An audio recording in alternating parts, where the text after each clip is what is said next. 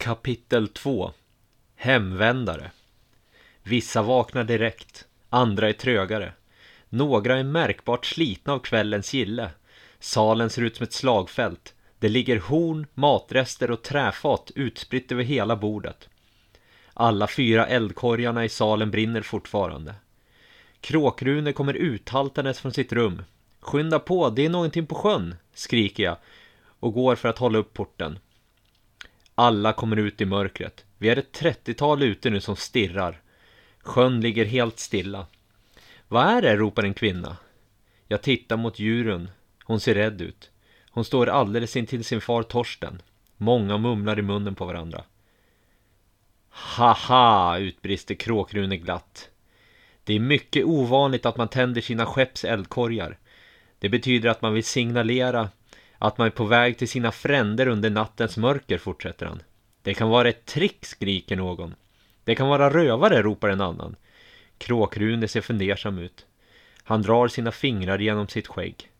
Vem vet? Det är nog bäst att vi gör oss redo för allt, ropar Kråkrune. Han ber gårdsfolket hämta de vapen som finns gömda på gården. Knivar, svärd, klyv och köttyxor och liknande. Jag får en träpåk i handen. Skeppen är en bra bit från land och det är en bra bit från sjön till Kråkrunes gård. Gårdsfolket delar ut vapen och träpåkar till männen medan kvinnorna blir tillsagda att gömma sig i det stora huset. Konstigt nog så känner jag mig ganska lugn. Det måste vara mjöden. Jag rusar iväg mot skogen och tömmer blåsan lite snabbt. Skönt, tänker jag. Var redo. Man vet aldrig vad som väntar. Det är tider av fred. Men man vet aldrig, ropar Kråkrune. Han blir en slags ledare över bygden när det krisar. Natten är mörk, men inte becksvart. Tiden går, vi blickar ut över sjön och ser att skeppen har gått i land, precis nedanför gården. Det är ingen tvekan längre. Det är på väg just hit. Nu är det bara en tidsfråga, tänker jag.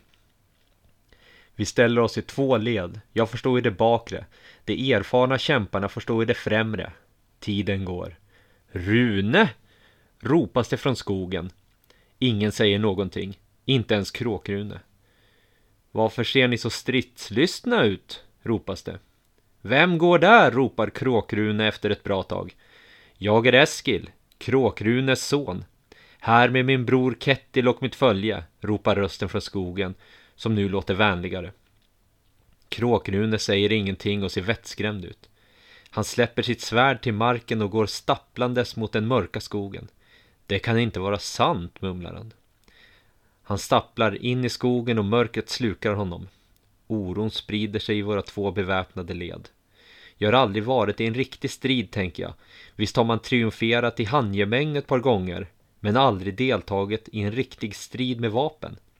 Tiden går, oändligt sakta. Det känns som ett halvt månvarv. Efter ett tag syns tre stycken mörka silhuetter. Det kommer närmare.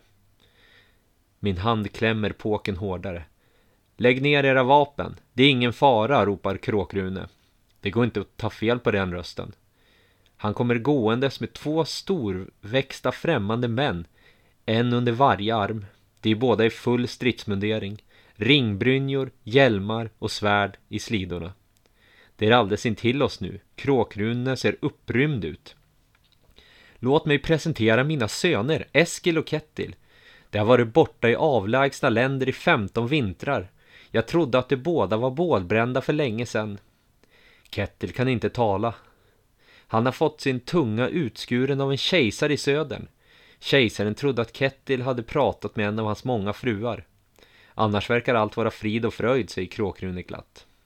Jag tittar på Kettils mun i hopp om att få se den utskurna tungan, men den hålls bara stängd. Låt oss alla gå in, fortsätter han. Bakom Kråkrune och hans söner kommer ett femtiotal krigare ut från skogen. Väl inne i den stora salen är det sparsamt om plats. Jorun sätter sig bredvid mig. Det är nästan hundra personer där inne nu. Femtio främlingar i ringbrynjor. Det är ganska tyst. Stämningen känns lite hotfull. Jag märker att alla, precis alla av främlingarna har stora träkors hängandes runt halsen. De allra flesta är nordmän Hälften sitter vid bordet och andra hälften står längs väggarna. Eskil och Kettil ser sig förväntansfullt omkring. Var är mor? frågar Eskil nervöst. Hon gick bort strax efter att ni for. Hon dog i en ohygglig hosta, svarar Kråkrune nedstämt. Alla tre blickar mot golvet en längre stund. Alla andra är tysta. Nå, hur har ni haft det? Vad har ni gjort under all denna tid? Berätta allt, fortsätter han. Tja, var ska jag börja? Vi var 20 man som lämnade bygden i ett långskepp. Vi färdades i österled, längs de stora floderna i öster. En längre tid ägnade vi åt att härja bland byarna och sälja trälar till de olika folken i öster. Vår jarl, Erik Långe, förlorade vi redan där i en strid med en flock vildar som bodde längs floden. Ju längre tiden gick, ju mer rikedomar staplade vi på skeppet. Fränder dog och nya tillkom hela tiden. Efter några vintrar rodde vi söderut. Där möttes vi av stora slott, borgar och stora städer av alla de slag. Ständigt krig och kamp. Vi tog värvning hos olika kejsare och kungar. Enbart hos de som betalade bäst såklart. Flertalet stora slag har vi vunnit. Vintrarna gick. Nya läror, seder, språk och gudar hela tiden. Till slut var bara jag och Kettil kvar av de tjugo som lämnade den här bygden. Vi har väntat länge på rätt tid för att återvända, berättar Eskil. Nu är vi i alla fall hemma och vi tänker slå rot, om Gud vill. Jag, Kettil och vårt följe tänker slå oss ner i den här bygden. Vi kommer att få bygden att blomstra. Ni ser sannolikt oss som 50 krigare. Men ibland oss finns lärda män. Några av oss är murmästare, bagare, fiskare, snickare, örtkunniga, smeder och krukmakare med mera. Vi har två långskepp fullastade med rikedomar, förnödenheter och verktyg, fortsätter han. Låt mig presentera mina goda vänner, säger Eskil och manar åt två av männen att komma fram. Det står längst bak lutandes mot väggen men går fram till Eskil. Männen är mörka med svart hår, svart skägg, ringbrynjor och bruna luvor. Det här är broder Nikolaus och broder Abramo. De är heliga män. De är kunniga i Guds vilja och korsets väg, säger Eskil. Nog om det, avbryter Kråkrune bryskt. Det har varit en lång natt. Solen går snart upp. Vi får fortsätta imorgon. Jag skulle vara tacksam om jag fick lite lugn på gården, fortsätter han allvarligt. Vad vreslig han låter. Tänker jag. Fast vad Guds vilja och korsets väg kan betyda förbryllar mig ännu mer. Jorun och hennes föräldrar beslutar sig för att gå hem. Aslak och de andra också. Vi säger farväl till varandra utanför porten. En bit bort håller främlingarna på att sätta upp ett stort vitt avlångt tält. Det är väl där det ska bo så länge, tänker jag. Solen går upp i öst. Jag går hemåt med ett tungt huvud som håller på att sprängas av frågor. Vilka är alla främlingarna? Har de alla dräpt någon? Vad kommer det här innebära för bygden? Främlingarna är nästan lika många som de som redan bor här. Varför alla kors runt halsen? Jag gillar ju bygden som den är. Jag vill ju inte ha så stor förändring. Hemvändare har ju alltid kommit tillbaks förut. Men inte som nu. Vanligtvis har de med sig en eller två följeslagare och en kvinna med några barn. Varför är det bara män? Varför har de inga kvinnor och barn? Det kommer ju att bli ojämnt antal kvinnor och män nu. Hoppas inte juryn faller för någon av dem. Mitt huvud håller på att sprängas. Väl hemma på gården är det tyst och lugnt. Vår gård består av ett litet timmerhus som vi bor i, ett hönshus och en liten bod. Även några gäss och en tupp vandrar omkring på gården. Här bor också några halvtama kattor. De sköter sig själva. Men ibland får de en skål mjölk eller lite fisk för att de håller råttorna borta. Jag smyger in i huset och lägger mig i min säng utan att väcka någon. Jag sover ända tills nästa soluppgång. En hel dag och en natt. En välbehövlig vila. Den morgonen kliver jag upp direkt när jag vaknar. Jag berättar bygdens stora nyhet för mina föräldrar och såklart är det svårt att förstå det.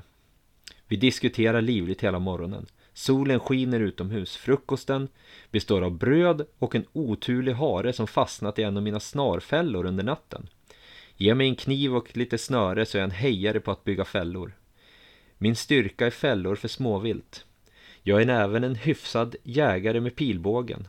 För att inte förglömma, även en god fiskare. Jag kan inte riktigt smälta det som hänt. Så många frågor och undringar. Jag måste till Kråkrunes gård idag och prata lite med främlingarna. Frukosten ger mig nog med energi för att börja dagen. Jag går ut och börjar gå mot Kråkrunes gård. Det är en fin vårdag. Mina jordbrukssysslor får helt enkelt vänta tills imorgon, tänker jag. Väl hos Kråkrune är det full fart. Främlingarna har gjort läger precis intill hans gård. Jag smyger mig fram ur skogen. Det är ett stort vitt avlångt tält som de alla verkar bo i. Utanför har det ett par eldar där de lagar mat. Vapen och ved står staplat lite överallt. De har grisar och getter bundna vid stolpar. Ett par höns i små träburar och ett par tama hundar som lufsar omkring. Kråkrune eller hans söner Eskil och Kettil syns inte till. En av främlingarna står och tvättar sitt hår över ett tråg med vatten. En annan har druckit sig redlös och stapplar omkring. Två av dem övar på närstrid med träsvärd och sköldar. En av Kråkrunes gårdsfolk går fram till en främling med ett horn, sannolikt fullt av mjöd. Främlingen tar hornet, men häller över innehållet till ett trästop som han har med sig. Det är bara vildar som skålar med horn, säger han hånfullt samtidigt som han sträcker tillbaka hornet och sveper stopet. Han har bar överkropp, långt blont hår och skäggstubb. I det stora hela verkar det vara fridfullt. Kråkrunes gård känns numera som ett större samhälle. Jag smyger in i tältet. Ingen verkar bry sig om mig. Tältet är avlångt med ett sängar i rader, mitt emot varandra. Tältduken vilar på en rad kraftiga timmerstockar längs mitten. Här inne bor det allihop verkar det som. Längst in i tältet finns något som ser ut som ett harg och på det står ett stort kors av silver. Det är tiotal personer här inne i tältet. De flesta ligger enbart och latar sig. Vid var och varannan säng ligger ett stor svart bok med ett kors på. Tältet luktar rökelse. Vad är det för bok som alla har? frågar en man som ligger och slappar i en säng. Han är mörkhårig, blek och tanig. Han tar boken i sin hand och sätter sig upp. Det här är Guds ord på hans egna språk, latin. Det är hans lagar, hans ordning, hans vilja och hans sanning. Att inte följa denna bok, som kallas den heliga skriften, är synd. Att tillbedja andra gudar än honom är synd. Vi måste lära alla synder att följa honom. Om för många ägnar sig åt synd så kommer han straffa oss alla. Gud har ödelagt hela städer där synden har frodats. Han kommer att ge oss svält, pest, odjur, katastrofer, frost och eld. Jag har sett det själv, svarar han. Om man följer skriften rättfärdigt så hamnar man i himlen och får njuta. Om man lever i synd hamnar man i helvetet efter döden och där får man för övrigt brinna i eld. Det är att följa Guds ord som gör oss till kristna, fortsätter han. Han låter som en galning, tänker jag. Oden är den högste guden. Han och de andra asarna och vanerna bestämmer över livet och döden och allt däremellan. Att alla de här männen har en annan tro än min egen finner jag lite skrämmande. Så du kan läsa latin då, frågar jag. Alla i mitt följe, eller i mitt brödraskap om du vill kan läsa och tala latin som det vore vårt eget modersmål. Latin är den nya världens språk, så fort alla syndare finner Gud och korset, svarar han. Han verkar galen eller besatt. Bäst att gå vidare, tänker jag.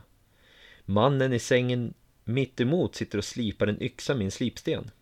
Slipstenen är i samma storlek som hans hand och han drar den varsamt längs yxans rundade ägg. Runt hans säng ligger ett svärd, ett par knivar och delar av hans rustning. Han är en äldre herre med långt skägg och långt hår. Ska du ut i strid? frågar jag skämtsamt. Han spottar på slipstenen och fortsätter att slipa yxan. Striden är ofrånkomlig, svarar han efter ett långt tag. Han ser väldigt världsvan ut. Har du några bra berättelser från avlägsna länder? frågar jag nyfiket. Jag känner mig som en liten pojkspoling just nu. Tja, jag kan berätta om slaget vid Döda fallet om du vill. Vi var en liten här på inte mer än 50 man. Vi hade en här på över 300 man efter oss. De jagade oss i de enorma skogarna i sydöst. Vi var förföljda i flera dagar och nätter. En missbedömning gjorde att vi kom till ett stopp. Vi nådde en dal med höga klippor på alla sidor. Den enda vägen ut ur dalen var blockerad av fiender. Vi gjorde oss redo för en våldsam strid intill döden. Fienden ville dock vara sparsamma. Vi var fast och fienden ville göra slut på oss med pilar istället för att riskera att förlora några män i närstrid. Fienden hade gjort läger vid dalens ingång. Man sände ut sina bästa bågskyttar för att göra slut på oss. Bågskyttarna gick längs bergskammen och när det var i höjd med deras läger så brast berget. Bågskyttarna föll mot döden och hela deras läger krossades av stenmassorna. Haha, vi fick klättra ut ur dalen över stenmassorna och liken. En annan gång såg det nästan värre ut. Vi var runt hundra man som flydde, flydde från tusen man över de frusna slätterna i öst. Det var en becksvart natt. Fiendes här han ikapp oss på isen på en frusen sjö. Vår jarl fick en lysande idé. Vi skulle inleda en strid. Men direkt när striden tog vid skulle vi dra oss undan. Vi gjorde precis så. Fienden kom våldsamt emot oss och när striden tog vid drog vi oss undan. Vi förlorade dock en handfull krigare direkt. Vi drog oss undan till en närliggande skog. Striden fortsatte utan oss. Fienden slog ihjäl varandra i den becksvarta natten. Först när solen steg insåg de vad de hade gjort, men då var det redan sönderslagna och slutkörda. Vi attackerade då på nytt och drev dem på flykt, berättar han stolt. Jag har genomlevt otaliga krig, belägringar och farligheter. Och det har jag Gud att tacka för, fortsätter han. Jag står tyst ett tag och begrundar det han nyss sa. Hur kommer det sig att ni inte har några kvinnor och barn med er? frågar Kvinnor och barn?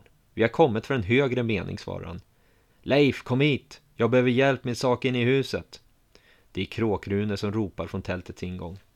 Han avbryter mitt samtal med krigaren. Jag går ut ur tältet och Kråkrune ber mig skynda in till huset. Vi går dit tillsammans och han stänger porten efter oss. Vad gjorde du i tältet? frågar han allvarligt. Inget märkvärdigt, svarar jag förvånat. Du ska passa dig för sånt som du inte förstår. Mina söner är inte längre mina söner, förstår du? De har fått en sjukdom i sinnet, bägge två. Korsets väg är en farlig väg, som enbart leder till krig och förtryck, säger han. Hela hans väsen är upprört. Vissa som vandrar längs korsets väg går vilse. De vandrar för långt ifrån den rätta stigen, fortsätter han. Den här bygden har stora bekymmer framför sig. Jag har sett det själv på mina långa färder. Jag kommer att lämna er nu, men jag kommer åter. Jag tänker rida till kungen i Fröberga för att få hjälp och råd. Säg inte till någon att jag lämnar bygden. Men hälsa gärna de andra att de ska vara på sin vakt runt dessa kristna fanatiker. Deras väg är syndens väg, tro inget annat. Jag vill att du lämnar min gård nu och återvänd inte på ett helt månvarv. Se så, gå nu, säger han och nästan kastar ut mig ur huset. Vad betyder allt? Är alla dessa främlingar våra fiender? Är det enbart här för att strida mot oss? Jag smyger in i skogen, förbryllad. Kan det vara Kråkrune som har vanföreställningar? Han är ju lite märklig. Varför skulle dessa främlingar låtsas vara våra vänner för att sedan göra oss illa? Om jag varnar andra, kommer de då tro att jag också har vanföreställningar? Jag beger mig mot Söderhus, hem till Jorun. Jag övertygar mig själv om att allt är som det ska. Väl framme vid Söderhus står Jorun och hänger tvätt. Hon är klädd i en brun kjortel som slutar vid knäna och ett tjockt läderbälte runt midjan. Hennes fötter är bara och hennes långa blonda hår har hon i en bred fläta längs ryggen. Vilken underbar kvinna, tänker jag. Samtidigt som jag smygtittar på henne från skogen. Gårdens söderhus består av ett avlångt timmerhus med en stor trädörr på mitten.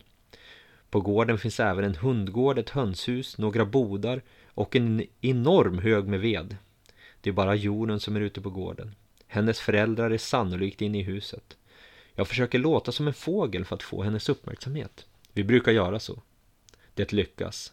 Hon tittar åt mitt håll och jag vinkar så att hon ser mig. Hon tittar mot huset innan hon kommer fram till mig. Vi är noga med att hålla oss dolda ifall hennes föräldrar skulle komma ut genom dörren. Hon luktar som en fräsch sommaräng. Djuren och jag skrattar, skämtar, pussas och mår gott tillsammans. Det sista jag vill ha just nu är förändringar.